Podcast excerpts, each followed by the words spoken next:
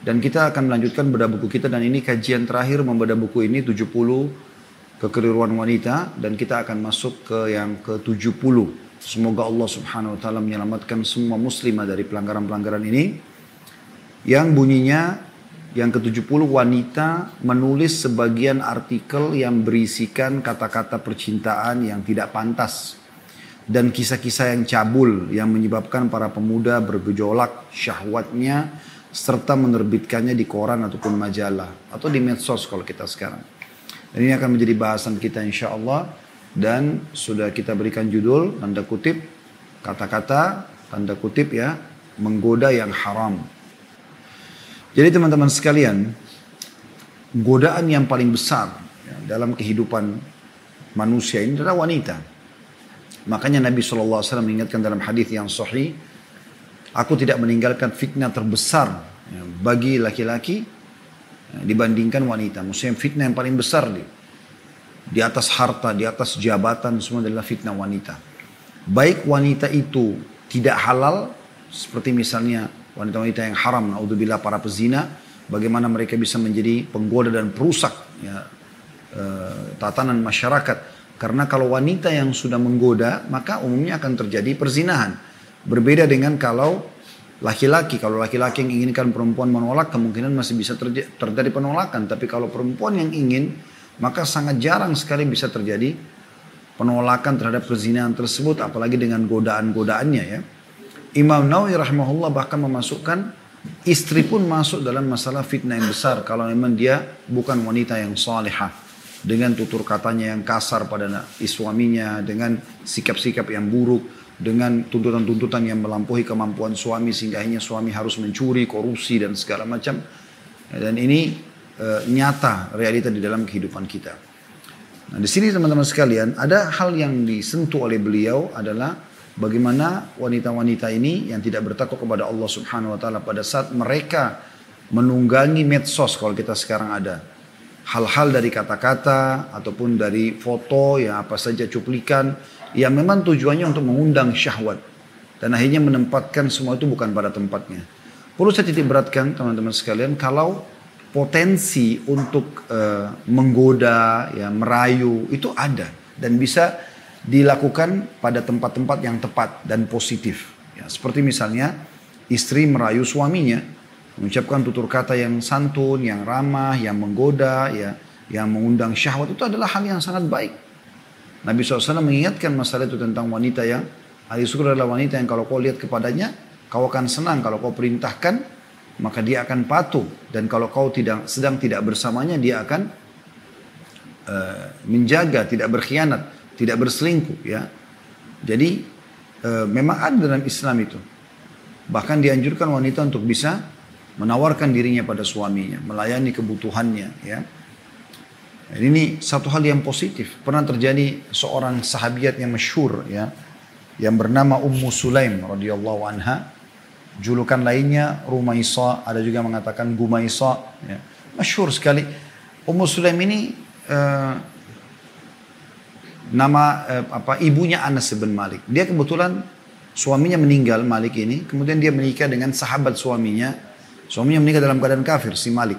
Kemudian dia menikah sama sahabat temannya, teman suaminya, namanya Abu Talha. Abu Talha dalam keadaan kafir. Kemudian dia melamar kata Ummu Sulaim, saya tidak akan tidak akan ada orang yang menolak lamaran orang seperti kamu hai Abu Talha. Tapi kau dalam keadaan kafir dan aku dalam keadaan Islam. Kalau kau mau masuk Islam, aku jadikan masuk Islammu sebagai maharku. Kemudian menikahlah akhirnya dengan cara Abu Talha masuk Islam dan menjadilah dia seorang sahabat yang mulia sampai dikaruniakan seorang anak yang uh, seorang anak laki-laki dari istrinya ini. Dari Ummu Sulaim ini, ya, si Abu Talha. Baru melahirkan beberapa hari, ternyata anak ini sakit keras. Dan Abu Talha merasa uh, ketakutan sekali, khawatir kalau sampai anak ini meninggal. Karena sangat dia sangat sayang anak ini, karena dia dikaruniai oleh anak laki-laki dari wanita yang dia sukai ya, istrinya sekarang. Maka dia pun izin sama istri dia mengatakan saya akan ke masjid sebentar, kemudian nanti jaga baik-baik anak ini, saya akan kembali sebentar lagi. Pas suaminya jalan berapa langkah dari rumah ternyata meninggal dunia. Si anak tadi. Maka dia pun berkata kepada anaknya, Anas bin Malik, dan juga kepada uh, pembantu di rumahnya, jangan ada yang menceritakan tentang kematian anak ini kepada Abu Talha kecuali saya sendiri. Kecuali saya sendiri. Maka dia pun kata Anas bin Malik, ibuku dandan pada hari itu dengan dandanan yang sangat luar biasa, belum pernah secantik itu, belum pernah sewangi itu, gitu kan. Dan dia masak masakan terbaiknya sampai Abu Talha pulang. Ini kita bisa bayangkan bagaimana sikap wanita salihah mukminah seperti ini.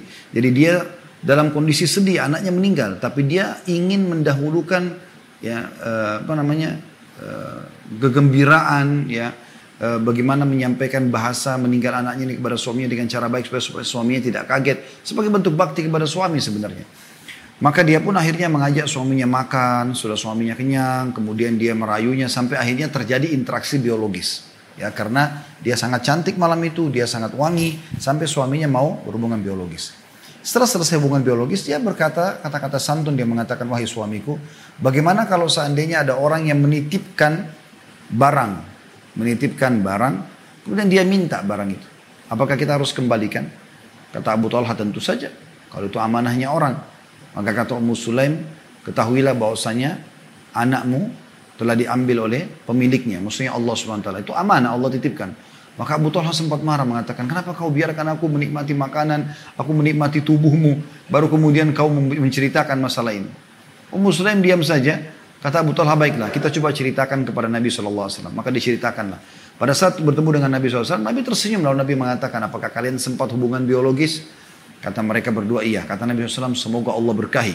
Maka betul dari biologis malam itu Ummu Sulaim pun hamil dan mengelahirkan lagi anak gitu kan. Dan kata Anas bin Malik ya terus saja anak yang lahir itu adikku memiliki keturunan sampai 11 orang keturunan yang lainnya. Allah SWT berkahi.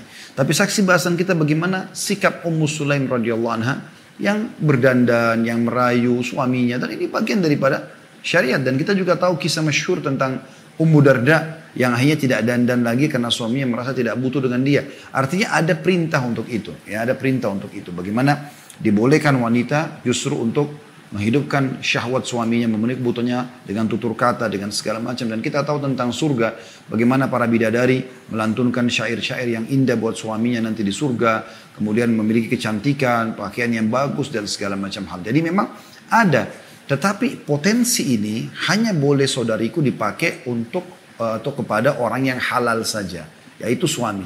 Dan kalau Anda sudah berstatus istri, maka lupakan semua laki-laki, tidak terkecuali siapa pun dia. Setampan apa pun dia, gitu kan? Secerdas apa pun dia, tutup semua pintu itu. Karena tidak ada poliandri dalam Islam. Anda tidak boleh bersuami dua. Anda hanya bisa bersuami satu. Maka setelah Anda menikah, berbaktilah si isi sisa umur itu semua dengan kebaikan-kebaikan ya agar anda meraih surga dari suami tadi. Karena siapa pun istri yang meninggal sementara suaminya ridho maka ya, akan terbuka baginya delapan pintu surga. Dia boleh masuk dari mana pun yang dia inginkan. Sebagaimana dijelaskan di dalam hadis yang sahih. Maka ini teman-teman sekalian eh, harusnya menjadi sebuah poin penting. Nah kalau potensi tadi merayu, dandan, wangi, kecantikan. Ini untuk dipamer dan dilakukan untuk kemaksiatan maka ini yang haram. Sebagaimana sekarang banyak wanita bahkan muslimah tidak bertakwa kepada Allah Subhanahu wa taala. Mereka sibuk eh, mengumbar cuplikan-cuplikan, eh, jogetan, kata-kata yang menggoda, tulisan-tulisan yang akhirnya membuat lawan jenisnya menggoda dia. Dan bukan cuman pada saat mereka masih gadis ya. Ya mungkin itu lebih ringan karena memang belum ada pasangannya tapi tetap berdosa. Dia bukan status suami, berstatus sebagai istri orang. Tapi dia juga masih membuka pintu-pintu kemaksiatan tadi. Dan ini harus ditutup. Anda adalah aurat, wahai muslimah. Kapan Anda keluar, maka syaitan akan memperhatikannya. Kata Nabi SAW, istashrafah syaitan. Kalau perempuan keluar, maka istishraf itu digambarkan oleh orang-orang Arab seperti orang yang kalau mau lihat sesuatu yang agak jauh, dia letakkan tangannya di keningnya, supaya dia bisa melihat jelas seperti itu syaitan memantau para wanita yang keluar. Jadi betul-betul dikejar oleh syaitan karena kapan dia berhasil tergoda dan dia menggoda laki-laki maka akan terjadilah perbuatan-perbuatan haram itu. Dan ini penting teman-teman sekalian untuk diperhatikan agar tatanan ya, di kehidupan masyarakat ini bisa tertata dengan rapi tentunya, bisa tertata dengan baik ya. Kita lanjutkan dengan lalu bagaimana yang harus atau apa yang harus kita perhatikan. Selain tadi saya sudah bilang potensi syahwat itu boleh tapi pada pasangan yang halal. Dan tidak boleh pada yang umum, maka berarti kita berbicara tentang masalah bahayanya lisan. Dan kalau kita sudah bicara lisan berarti tulisan juga sama. Kita akan coba teman-teman sekalian membaca beberapa dalil yang perlu kita perhatikan dan ini dijadikan sebagai tolok ukur bermula daripada hadis Nabi sallallahu alaihi wasallam hadis riwayat Bukhari hadis sahih. Kata Nabi SAW, Innal abda la yatakallamu bil kalimati min ridwanillahi la yalqi laha balan yarfa'uhu Allah biha darajat wa innal abda la yatakallamu bil kalimati min sakhatillahi la yulki laha balan yahwi biha fi jahannam Sesungguhnya seorang hamba benar-benar mengucapkan atau berbicara dengan satu kalimat. Baik ucapan ataupun tulisan. Yang termasuk keridhaan Allah. Kayak bicara masalah nasihat, masalah ayat, masalah hadith, masalah kisah-kisah orang saleh, ya. Hal-hal yang baik, masalah pendidikan, masalah bisnis, ya, hal-hal yang positif. Yang bisa mengundang keridhaan Allah, memberikan manfaat kepada manusia. Dia tidak menganggapnya penting. Bagi dia kecil. Ya. Tapi dengan sebab kalimat itu Allah mengangkat derajatnya sangat tinggi. Mungkin dengan satu kalimat, satu nasihat, satu kisah, satu ayat, satu hadis, ya. Ternyata dengan itu bisa ya, memberikan penyebab banyak hidayah. Gitu kan? Banyak hidayah. Saya subhanallah berapa kali ketemu dengan beberapa orang ikhwan. Kadang-kadang mereka mengucapkan, saya melihat itu Allah menyampaikan melalui mereka. Mereka mengatakan, saya masih ingat Ustaz pernah mengatakan kisah ini dan itu menyentuh saya. Bahkan saya kemarin beberapa waktu lalu ketemu dengan seorang ikhwan. Yang Masya Allah, dia menjadi panitia pengajian sana sini. Kemudian saya sangat terharu mendengar pada saat dia mengatakan, Ustaz, Ya, saya uh, pertama sekali hijrah mendengarkan ceramah Ustaz. Ternyata dia simpan di handphonenya dan dia berikan kepada saya ini kalimat ini. Ya, saya subhanallah pada saat itu berpikir pada saat saya menyampaikan, saya tidak pernah berpikir akan ketemu sama orang ini dan atau menjadi penyebab hidayahnya orang ini. Tapi dia mengatakan hampir setiap saya ketemu sama siapa pun yang datang menjenguk saya, saya ketika bertemu dengan saya, pasti saya perdengarkan cuplikan ceramah itu. Dan banyak sekali orang yang sadar hijrah justru dengan itu. Dari mana teman-teman kita pernah berpikir satu kalimat, satu hadis, satu ayat yang kita sampaikan ternyata bisa mengubah orang. Hal-hal yang baik, ucapan yang baik. Saya juga pernah menasihati seseorang, Masya Allah sekarang menjadi seorang da'i yang masyhur juga. Gitu kan? Dulu dia sangat jauh, sampai saya tanya kenapa Aki nggak buat taklim seminggu sekali pakai kitab ini, pakai. Setelah saya ketemu sama dia mungkin sekitar 10 tahun setelah itu. Terus dia ketemu sama saya lalu dia mengatakan, Ustaz masih ingat sama anak, ketemu di masjid. Saya sudah lupa deh karena jenggotnya sudah panjang, bahkan lebih panjang dari saya. Isi pengajian gitu kan. Terus saya bilang, oh iya, uh, masih ingat akhirnya. Terus dia bilang, ingat dulu antum nasihatin anak. Gara-gara itu, anak sekarang akhirnya Alhamdulillah terjun ke dakwah. Masya Allah, la hawla wa la quwata illa billah. Bagaimana kata-kata yang mungkin sederhana teman-teman, tapi ternyata punya pengaruh sangat besar. Itu yang harus kita lakukan. Dari Anda tahu sebuah hadis Anda kirim di grup WA, Anda pasang di status sebuah nasihat, potongan ayat, ya atau cuplikan lah yang kita kirim ya. Mungkin mungkin dua satu menit atau atau atau kita mungkin kirim jadwal pengajian. Ya seperti ini misalnya lagi ada live anda kirimkan. Mungkin subhanallah dari sekian banyak orang yang mungkin kita tidak kenal pun yang ikut gara-gara kiriman tadi bisa mendapatkan hidayah. Dan kita panen pahalanya. Itu Allah bisa angkat derajat yang sangat tinggi. Kemudian dikatakan dan sesungguhnya dalam hadis ini masih lanjutnya seseorang benar-benar berbicara dengan satu kalimat yang mengundang murkanya Allah. Dan dia tidak menganggapnya penting. Ngobrol masalah cerita tentang uh, ke kenikmatan dia berzina, kenikmatan dia minum khamar, kenikmatan dia narkotika, kenikmatan ini dan itu segala macam hal yang dia lakukan dari kemaksiatan. Dia tidak sadar ternyata dengan kisah yang dia sampaikan itu membuat ada orang di depan dia yang juga akhirnya melakukan perzinahan tersebut atau ingin mencoba persinahan tersebut atau ingin mencoba narkotika atau mencoba obat-obat uh, khamar minuman keras atau mencoba rokok atau apa saja. Karena kata-kata yang dia ucapkan. Maka dengan itu Allah melemparnya ke dalam neraka jahanam jadi harus hati-hati ya. Apalagi sekarang zamannya medsos ya. Anda taruh satu cuplikan saja di YouTube, di Instagram, di Facebook atau apalah sekarang cukup banyak jenis-jenis yang sama Bukan cuma orang Indonesia yang bisa nonton, orang luar pun nonton. Berapa banyak dosa yang akan dipanen. Ya. Dan sebaliknya kalau kita pasang atau uh, menyebarkan cuplikan yang baik positif maka berapa banyak juga yang orang yang kita bisa dapatkan pahalanya. Hmm. Al-Hafidh Ibn Hajar rahimahullah berkata, dia tidak menganggap penting dalam potongan hadis, yakni dia tidak memperhatikan dengan fikirannya dan tidak memikirkan akibat perkataannya. Serta tidak menduga bahwa kalimat itu akan mempengaruhi sesuatu.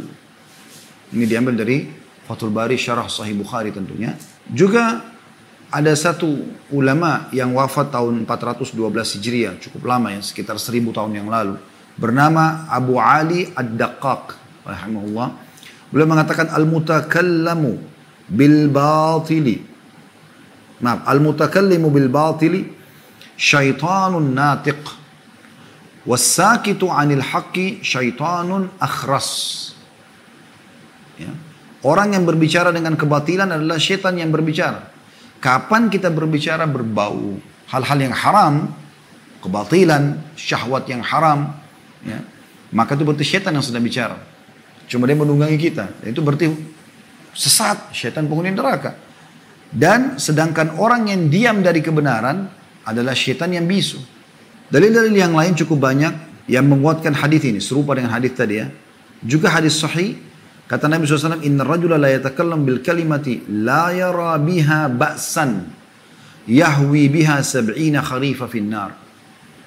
Sesungguhnya ada orang-orang yang berbicara dengan satu kalimat yang dia sama sekali tidak menganggap ada bahayanya.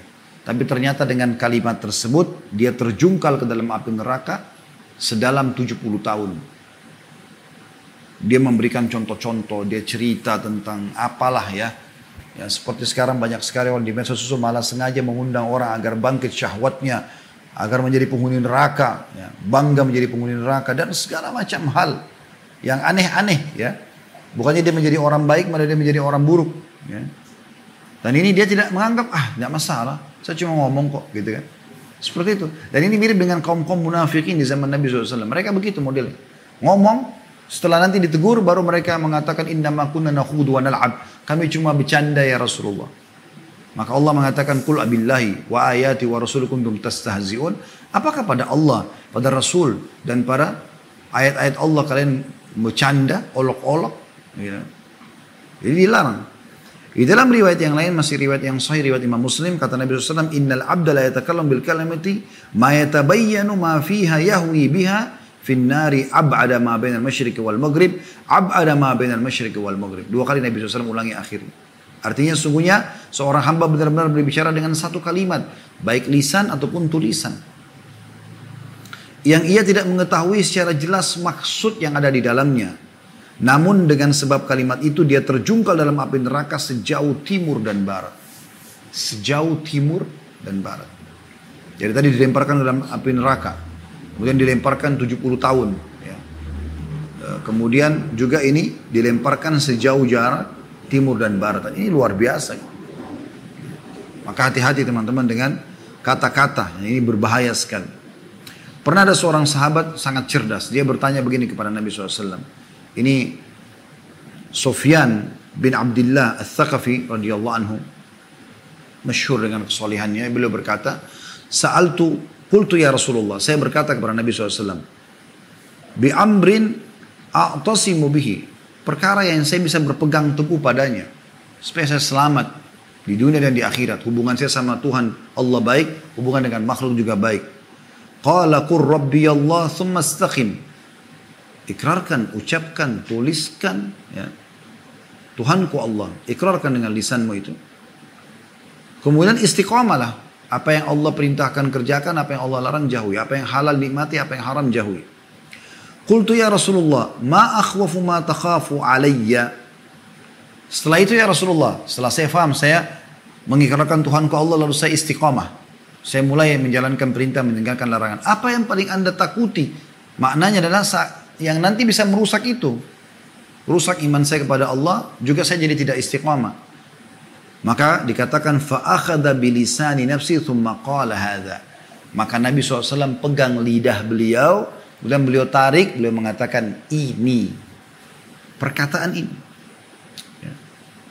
Lalu apa hubungannya dengan tulisan itu? Ada hubungannya, karena perkataan bisa jadi tulisan. Umumnya juga orang berkata-kata kemudian ditulis, kan gitu. Syekh Hussein Al-Awaishi berkata, sesungguhnya sekarang ini sesuatu yang manusia merasa amat tentram terhadapnya ialah lidah mereka. Padahal lidah yang paling dikhawatirkan Nabi SAW atas umatnya. Dan yang nampak lidah itu seolah-olah pabrik keburukan, tidak pernah lelah dan bosan. Dalam Musnad Imam Ahmad ada hadis yang mulia.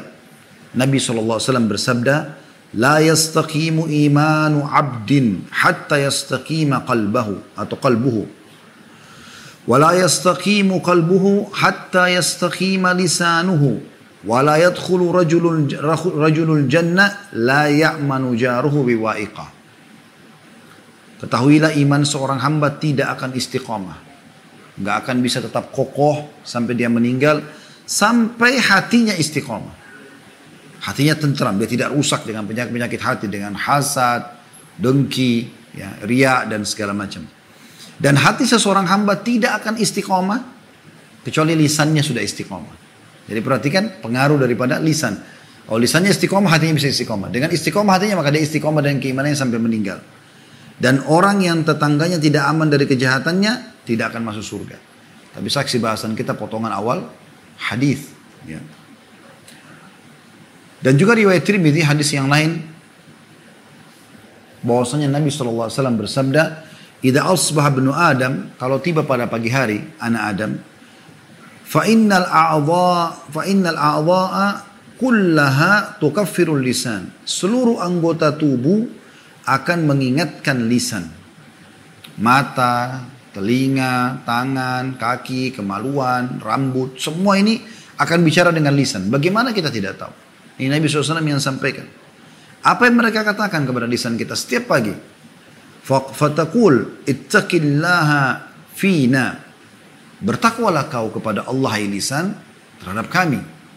Fa inna nahnu bik. Karena kami sangat tergantung padamu. Fa in istaqamta istaqamna. Kalau kau lurus hai lisan, kami lurus juga. Wa ini i'wajajta i'wajajna. Kalau kau menyimpang, kami pun pasti akan menyimpang. Bermula dari situ. Jadi yang baik kita sampaikan, maka akan baik semua. Ya. Hati-hati. Seringkali orang sekarang ramai buat cuplikan. Bahkan sekarang sudah tidak asing siapa pun bisa punya uh, channel di YouTube, channel uh, punya di Instagram, di Facebook, di apalah ya. Bahkan punya grup WA segala macam. Saya melihat ini adalah bisa menjadi uh, apa namanya? Bisa menjadi kebaikan yang memanenkan pahala sekian banyak dengan sibuk dengan cuplikan-cuplikan ceramah yang baik, kata-kata yang baik dan segala macam. Atau memang menjadi tempat ajang keburukan karena banyaknya cuplikan yang buruk yang diangkat di tempat tersebut. Di dalam hadis yang lain Nabi SAW bersabda hadis ini juga hadis Hasan kata Nabi SAW man yadman li ma baina lihyaihi wa ma baina rijlaihi adman lahul jannah Siapa yang menjamin untukku apa yang ada di antara dua pipinya, maksudnya dua pipinya, lisannya. Dan apa yang berada di antara dua kakinya, maksudnya kemaluannya, aku akan jamin baginya surga.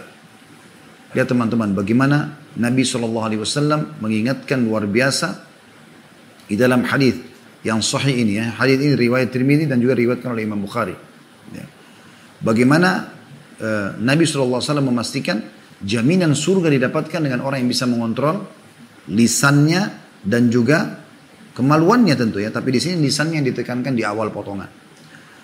Juga Nabi SAW pernah menjelaskan kepada seorang sahabat ya, yang bernama Uqbah bin Amir radhiyallahu yang bertanya, dia mengatakan, "Qultu ya Rasulullah, man najatu?" Wahai Rasulullah, apa itu keselamatan? Saya mau selamat. Bagaimana saya bisa selamat? Qala amlik alaika lisanak. Keselamatan adalah kuasailah lidahmu. Kata-katamu. Ya, tulisanmu. Kuasai itu. Wal yasa'ak baituk. Dan juga rumah yang luas bagimu. Ya. Wabki ala khati'atik. Dan tangisi dosa-dosamu. Tapi saksi bahasan kita adalah masalah lisan bagaimana harus dijaga. Dan makna hadis ini adalah jangan berbicara kecuali dengan perkara yang membawa kebaikan. Betahlah tinggal di rumahmu bukan berarti rumahnya harus luas. betah tinggal di rumah. Wal yasa' baituk itu maksudnya rumahmu kau selalu betah, merasa tenang. Ya, karena orang tinggal di rumah kalau tidak ada kebutuhan di luar lebih aman. Orang lain aman dari keburukannya, dia juga aman dari keburukan orang lain. Dan menangisi kesalahan-kesalahan maksudnya bertaubat dari dosa. Imam Nawawi rahimahullah berkata, beliau wafat tahun 676 Hijriah, ketahuilah seharusnya setiap mukallaf atau orang yang berakal ataupun balik menjaga lidahnya dari seluruh perkataan kecuali perkataan yang jelas maslahat padanya. Ada mendatangkan pahala ya, kebaikan-kebaikan. Jadi kecuali kata-kata yang mendatangkan maslahat ketika berbicara atau meninggalkannya itu sama maslahatnya. Maka menurut sunnah adalah menahan diri darinya. Karena perkataan mubah bisa menyeret kepada perkataan yang haram atau makruh. Kebiasaan ini bahkan banyak dilakukan, sedangkan keselamatan itu tidak ada bandingannya. Artinya gunakan hanya dalam kebaikan-kebaikan saja.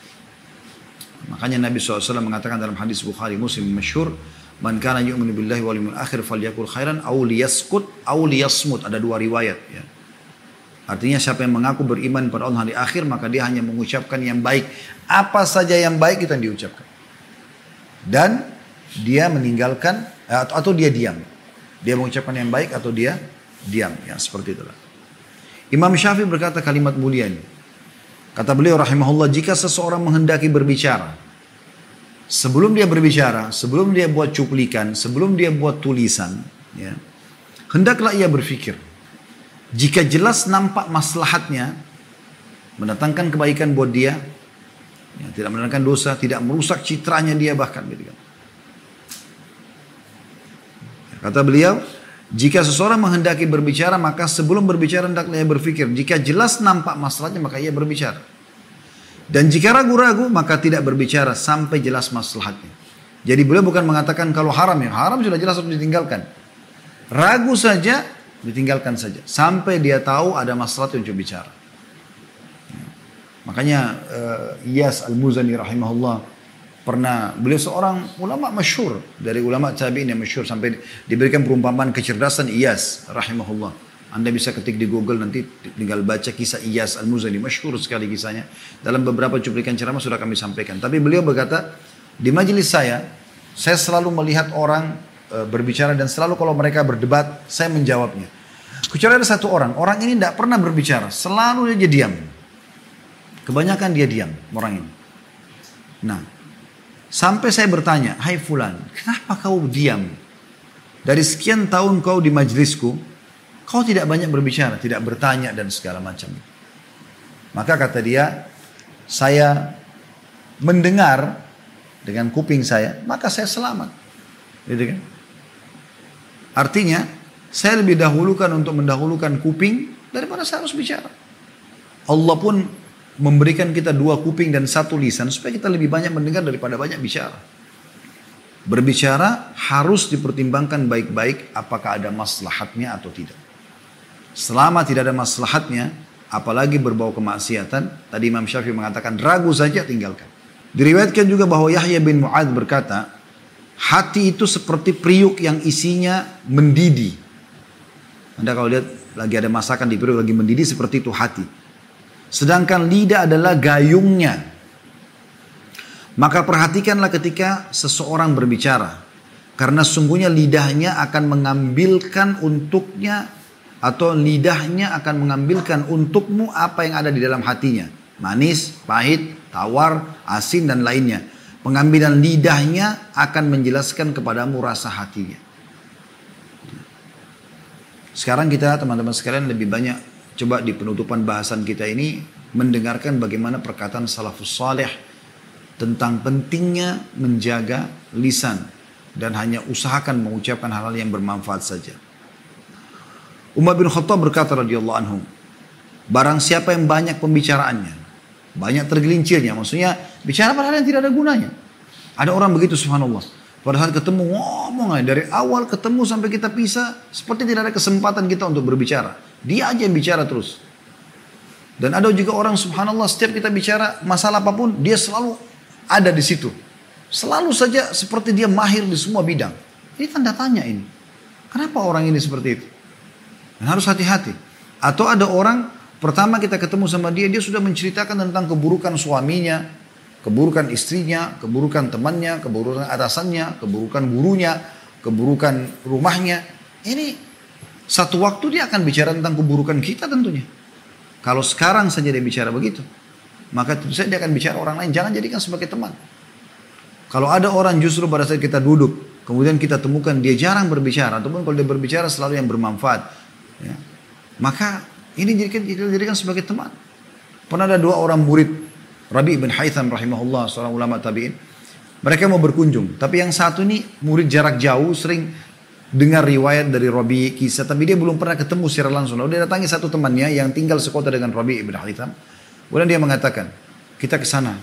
Tapi saya mau tanya dulu, bagaimana cirinya guru kita ini? Apakah kita biarkan Beliau yang bicara menjelaskan hukum agama lalu kita ambil istifadah, ambil manfaat. Atau kita yang bertanya. Kata temannya, kalau kau duduk di sebelahnya Rabi ibn Haytham satu tahun pun, kalau kau tidak bertanya dia tidak akan bicara. Karena khawatirnya dengan masalah penyalahgunaan atau sampai jangan jangan sampai salah dalam mengucapkan kata-kata gitu. Ibnu Mas'ud berkata radhiyallahu sahabat Nabi yang mulia, Beliau pernah bersumpah atas nama Allah mengatakan demi Allah, tidak ada di muka bumi ini sesuatu yang lebih pantas terhadap lamanya penjara daripada lidah. Di muka bumi ini tidak ada sesuatu yang lebih pantas menerima lamanya penjara daripada lidah. Dua kali beliau ucapkan. Artinya penjara, Anda tahu bagaimana kalau penjara? Orang dikurung. Lisan itu lebih baik dipenjarakan dari kata-kata. Kecuali yang bermanfaat. Anda bertanya kabar orang, berdoa, berzikir, menyampaikan ilmu, ya, bertanya tentang agama, hal yang baik. Motivasi dan segala macam. Tapi kalau sudah berbau kemaksiatan, maka tidak ada kebaikan padanya. Syakik berkata, Abdullah bin Mas'ud pernah bertalbiah di Bukit Safa. Kemudian berseru, wahai lidah, Bukit Safa yang ada di Masjid Haram pada saat jalan antara Safa dan Marwah lagi sa'i. Setelah beliau bertalbiyah beliau mengatakan wahai lisan didengar oleh Syakik muridnya dia. Katakanlah kebaikan, niscaya engkau mendapatkan keberuntungan. Diamlah, niscaya engkau akan selamat sebelum engkau menyesal. Ini kata-kata yang luar biasa ya. Wahai lidah, katakan kebaikan. Cuma yang boleh keluar emas saja. Ya, manfaatnya ada. Niscaya engkau akan mendapatkan keberuntungan. Atau diamlah, niscaya engkau akan selamat sebelum engkau menyesal. Karena kata-kata itu teman-teman kalau masih di mulut kita masih milik kita. Tapi kalau sudah kita ucapkan, maka berarti ya, sudah milik orang lain. Orang-orang berkata, wahai Abu Abdurrahman, maksudnya Abdullah bin Mas'ud. Apakah itu suatu perkara yang engkau ucapkan sendiri atau engkau dengar? Maka dia menjawab, tidak. Bahkan aku telah mendengar Rasulullah SAW bersabda, aktharu khataya ibni Adam fi lisanihi. Ketahuilah mayoritas dosanya anak Adam justru dari lisannya. Sudah dari situ. Awal godaan dari lidah. Bahkan kadang-kadang kita tidak melihat wajahnya orang tersebut begitu kita dengar suaranya sudah cukup untuk bisa menggoda orang. Cukup untuk bisa memikat dan seterusnya. Ya. Jadi harus hati-hati teman-teman sekalian. Bagi teman-teman yang masih selalu sibuk dengan medsos, mengangkat joget-jogetnya, kata-katanya menggoda, apalagi perempuan syahwat sengaja memamer-mamer auratnya, maka bertakwa kepada Allah Subhanahu wa taala, berhentikan segera itu. Hapus semuanya itu. Ya. Bertobat kepada Allah Subhanahu wa taala sebelum tiba waktu di mana Anda menyesal. Ingat, pujian semua orang yang di sekitar kita itu hanya sekedar sekedar pujian saja. Mereka juga tidak akan menginginkan kecuali menikmati saja. Dan pada saat kita meninggal mereka hanya paling jauh teman-teman kita pun yang sibuk dengan memuji kita berdiri di atas tiang kuburan. Setelah itu mereka akan pulang dan melakukan aktivitas yang lain. Ibnu Buraidah berkata, aku pernah melihat Abdullah bin Mas, Abdullah bin Abbas radhiyallahu anhu memegangi lidahnya sambil berkata, "Celaka engkau, katakanlah kebaikan, engkau mendapatkan keberuntungan atau diamlah dari keburukan, niscaya engkau selamat. Jika tidak, ketahuilah bahwasanya engkau akan menyesal. An-Nakhai berkata rahimahullah, manusia binasa pada harta yang melebihi kebutuhan dan pembicaraan yang melebihi keperluan. Artinya sudah tidak diperlukan lagi tapi terus saja digunakan untuk berbicara. Atau diceritakan dalam seseorang seorang bernama cerita dia mengatakan aku pernah bermimpi bertemu dengan seorang ulama besar tapi ini tidak sempat dinukil nama orang ini ya. Dan ini uh, dinukil dari kitab Afalatul Lisan di halaman 160 sampai 161 dia berkata aku pernah bertemu dengan seseorang alim besar. Kemudian orang alim itu ditanya tentang keadaannya dalam mimpi. Lalu dia berkata, bercerita pada orang ini. Aku diperiksa tentang satu kalimat yang dahulu aku ucapkan, yaitu dahulu aku pernah mengatakan manusia sangat membutuhkan hujan. Aku ditanya, tahukah engkau bahwa aku, maksudnya Allah, lebih mengetahui terhadap masyarakat hamba-hambaku. Artinya, orang ini cuma bilang, betapa butuhnya manusia dengan hujan. Kalimat itu saja sudah cukup untuk Allah hisap dia. Allah tanya dia, Bukankah aku lebih tahu tentang kebutuhan hambaku? Ada apa kok bicara tentang hujan dibutuhkan oleh hambaku? Sampai bicara seperti itu mungkin biasa dianggap oleh sebagian orang. Tapi subhanallah tetap Allah subhanahu wa ta'ala menjadikannya sebagai sebuah hisab. Dalam sebuah riwayat disebutkan ada seseorang dulu di Madinah, dia berkata kepada temannya, temannya ini ahli maksiat, diingatkan sama dia. Jangan bermaksiat, tobatlah. Temannya tidak mau tahu. Terus saja begitu. Sampai dia kena jengkel, dia bilang sama temannya, kau tidak akan diampuni sama Allah. Maka Nabi SAW menerima wahyu pada saat itu dan Nabi SAW mengatakan, Allah berfirman, siapa orang ini yang begitu beraninya mengatakan Allah tidak akan mengampuninya. Ketahuilah aku telah mengampuni orang itu dan aku telah hancurkan amalmu. Justru orang yang sengaja menggunakan kata-katanya dalam menyalahkan orang lain apalagi memfonis masalah kekafiran atau tidak akan diampuni oleh Allah SWT maka Allah justru memaafkan orang yang difonis tadi dan orang yang memfonis ini justru dihancurkan amal-amalnya. Sebagian salah berkata seorang mukmin ialah orang yang menyedikitkan perkataan dan memperbanyak amal. Adapun orang munafik yang memperbanyak perkataan dan menyedikitkan amal. Ada orang subhanallah kalau kita lagi ngomong sama dia enak gitu ya. Karena yang diomong itu selalu kebaikan-kebaikan dan kalau tidak perlu ya diam. Beraktivitas yang lain gitu kan.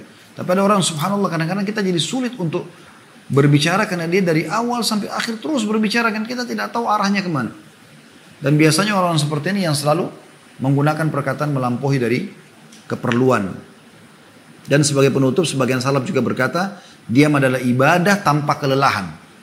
Artinya kalau kau diam yang tidak diperlukan maka tidak ada kelelahan.